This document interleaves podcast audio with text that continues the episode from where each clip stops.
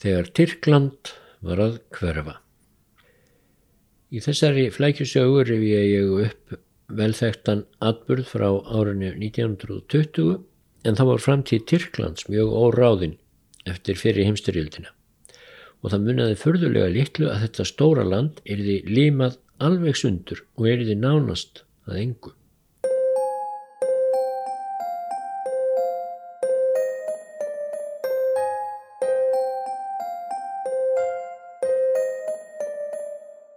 Svona vildi það til.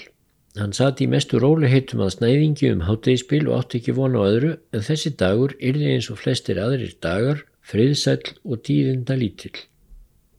Sólinn skein mildilega í gardinum við konungshallina. Þótt að veri komið fram í oktober, bólaði lítið á haustinu og enn heyrðist söðið í engisbrettunum innan um vínviðarrunnanna og ólífutrían. Hann ákvaði að leggja sig eftir matin. En þá heyrði hann allt í einu skerandi neyðaróp. Hann leitt snögt í kringum sig, þessa rött hefði hann þekkt hvar sem var. Ópið virtist koma úr skóarlundi þar skemmt frá og hann bráfið skjótt og hendist á staðin eins fljótt og fæturnir gáttu borðan. Og heyrnin hafði ekki bröðist honum. Það var engin annar en bróður hans sem hafði eft og aldeilis ekki að tilefni slösu. Á marmaralögðum stígumilli trjána hafði ráðist að bróður hans risavaksinn hundur og náði nakkadrampið á hann. Hundurinn urraði og beitt og sér til skjelvingar sá hann blika á næstum fagur raukt blóð bróður síns þegar hunds trölliði nánast flegðunum til og frá og rakkin var reyndar ekki einn á færð. Með honum var þungbúni ungi maðurinn sem hann hafði svo oft séð á vappi eftir stígunum millir trjána eða bregða fyrir í gluggum konungshallarinnar. Og þessi maður kom nú askvaðandi með blíkandi silfur staf á lofti og bjóst greinilega til að ljúka því verki sem hundurinn hafi hafið sem sé að ganga endanlega frá bróður hans varnarlausum skelvingulosnum og blóðugum. Í þessum hamagangi þá gatt hann ekki orða þá hugsun hvort hann ætti að geta bróður síns en þess þurfti heldur ekki. Eðlisávísunin tók völdin. Á augabræði ætti hann bróður sínum til varnar stökku upp að manninu með stafin á lofti og beit hann eins fast og hann gatt í lærið. Látt hann bróður minn vera drullu háleistindinn. Það hefði hann eft, ef hann hefði kunnið að tala. En úr því hann kunni ekki að tala þá held hann bara áfram að býta, tennurnar smugu gegnum klæði mannsins sem var fann að æpa hástöfum á hjálp, svo óvænt var árásinn og þá komu fleiri menn hlaupandi með barefli á lofti og allt var komið í háa loft. Hundurinn sem bar ábyrðaðu söllu lúskraðist burt en hann og bróður hans sáu sér þá leika á borði að sleppa burt. Bróður hans var alblóðugur eftir hundskjaftin en samt enn ekki dauður úr öllum æðum og þeir tóku tilhlaup, bræðurnir og stukku eins og eldibrandar upp í næsta tre þar sem hvorki hundarni menn gætu náðu til þeirra. Þannig vildi það sem sagt til og þannig réðust örlögin. Hvaða örlög? Jú, örlög miljóna manna réðust af þessum atbyrði. Það var ekki minni maður en Winston Churchill sem heldi fram að þessi litli atbyrður í trjágarðinum við konungshöllina nærri að þennu hefði kostað miljón mannslíf og margar miljónir lenda á vergangi og hrakist endanlega frá heimilum sínum. Og það má líka færa rauk fyrir því að þessi sami atbyrður hafi orðið til þess að landamæri Tyrklands eru eins og þau eru nútildags en Tyrkland varð ekki pínulítið, Greikland náði ekki meðfram allri eigahafströndinni og allt til Kýpur. Og Sýrland varð ekki miklu stærra en nú er. Og Armenia varð ekki heilmikið veldi við Svartahaf. Og hefð ógæfisama Kurdistan geti jafnvel hafa orði til í raun og veru ef ekki vegna þessa atbyrður ef hundkvikindið hefði ekki gert þessa árás. Og sögu hetja okkar ekki bitið unga þungbúna mannin sem hann óttaðist að myndi murkar lífið úr bróður sínum. Já þá má ég vel halda því fram að Istanbul hétti nú ekki Istanbul heldur Konstantinopel eins og hún hafi gert mest alla tíð borgarinnar. Og við færum í páskaferðir til höfuðborgar Gríklands við Hellusund Konstantinopel en skreipum ekki til Istanbul. En hver var þá slíkur örlaga valdur í lífi þjóðanna í Anatólíu? eða Tyrklandi. Jú, hann var apaköttur af makaki tegund, nánar tiltikið er tegundin kend við Gíbraltar. Hann og fáinir Gíbraltar apar aðrir, þar á meðal sá sem ég lefi mér alveg út í loftið að kalla bróður hans, þeir höfðu verið fluttir í gard sumarhallar kongsins yfir Gríklandi en sá hétt Alexander I um þær myndir. En þetta gerðist allt í oktober 1920. Alexander hafði verið út að ganga í Hallargarðinum með sinn stóra þýska fjárhund þegar hundurinn réðst á einn Gibraltarapan og tók að tuska hann duglega til. Þá kom Alexander vissulega þjóttandi með stafsinn á lofti en það var fjarrið því að hann ætlaði að hjálpa hundinum sínum að sálga aparæflinum þvert á móti ætlaði kongur að bjarga lífi apans með því að reka hundin á brott.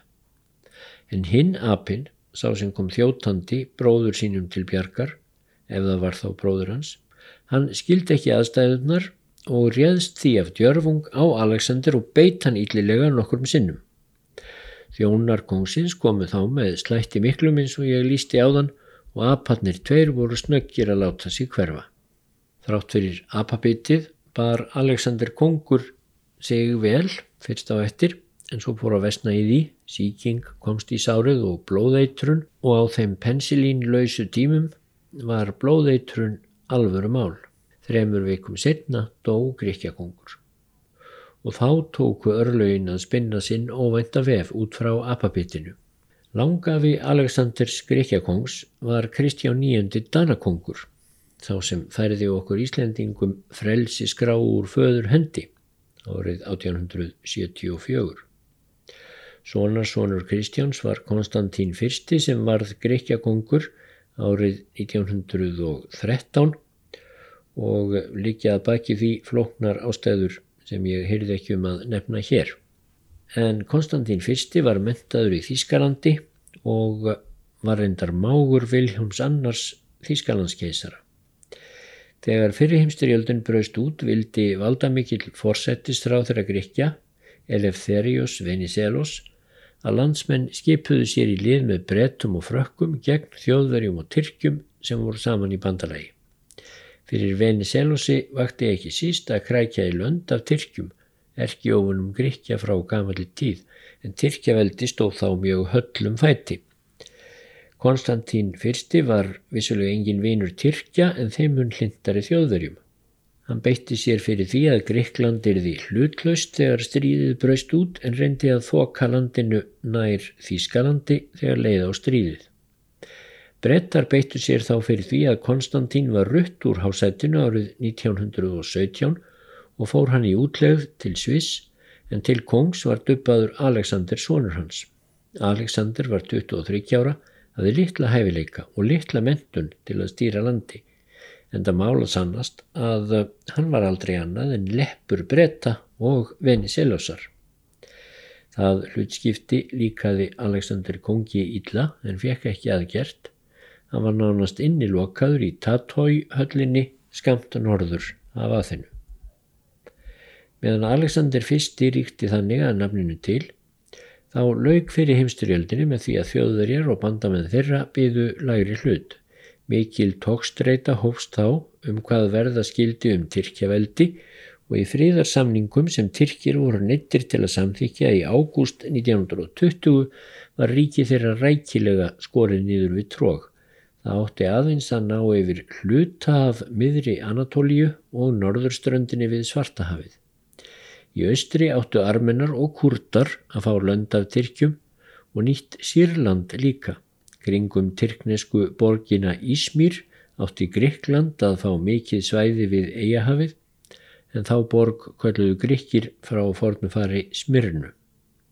Og Konstantinópel og nágrenni átti að vera á ábyrð alþjóðasamfélagsins, svo mikla perla var sem sagt hrifin úr höndum Tyrkja og Gríkir gerðu sér vonir um og töldu sig hafa ástæðu til að ætla að borgin yrði afhengt þeim í tímans rás.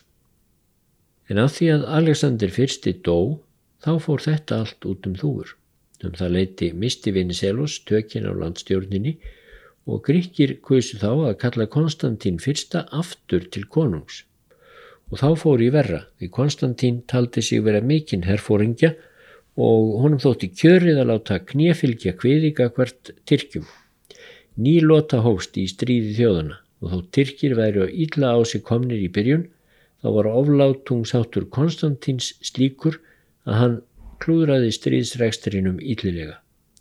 Gríkir mistuðalokum allar þær lendur á við eigahafströndina sem samningurinn 1920 hafði tryggt þeim, mannfall varð óurlegt í stríðinu og þjáningar fólks líkt bærilegar. Og Konstantinopel, sem alþjóða samfélagið, hefði sjálfsagt aðfendt gríkjum að lokum ef þeir hefði ekki skotið sig svona íllilegi í fótinn. Svo merkilega borg var það áfram Tyrknesk og til að leggja áherslu á það uh, þá tóku Tyrkir upp nafnið Istanbul á borginni og svo risu Tyrkir upp á afturlappirnar eftir að hafa sigrast á hennum fíbldjarfa Konstantín I og mannum hans og þeir endurheimtu lönd sín í austri líka, Armeni og Sýrland fengu ungvarsneiðar af Tyrklandi og Kurdistan var þau auðvitað ekki til. Og allt var þetta út á apakettinum sem beitt kongin. Þetta er auðvitað hjásaga, svo kulluð, hvað ef saga í öllu sínu veldi.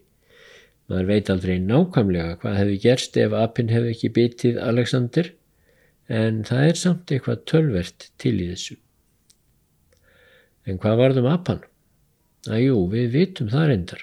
Eftir að kongurinn var bitin þá fóru þjónar kongsins á kreik, veittu apana báðu og lóðuðu þeim. En þá var það orðið of seint.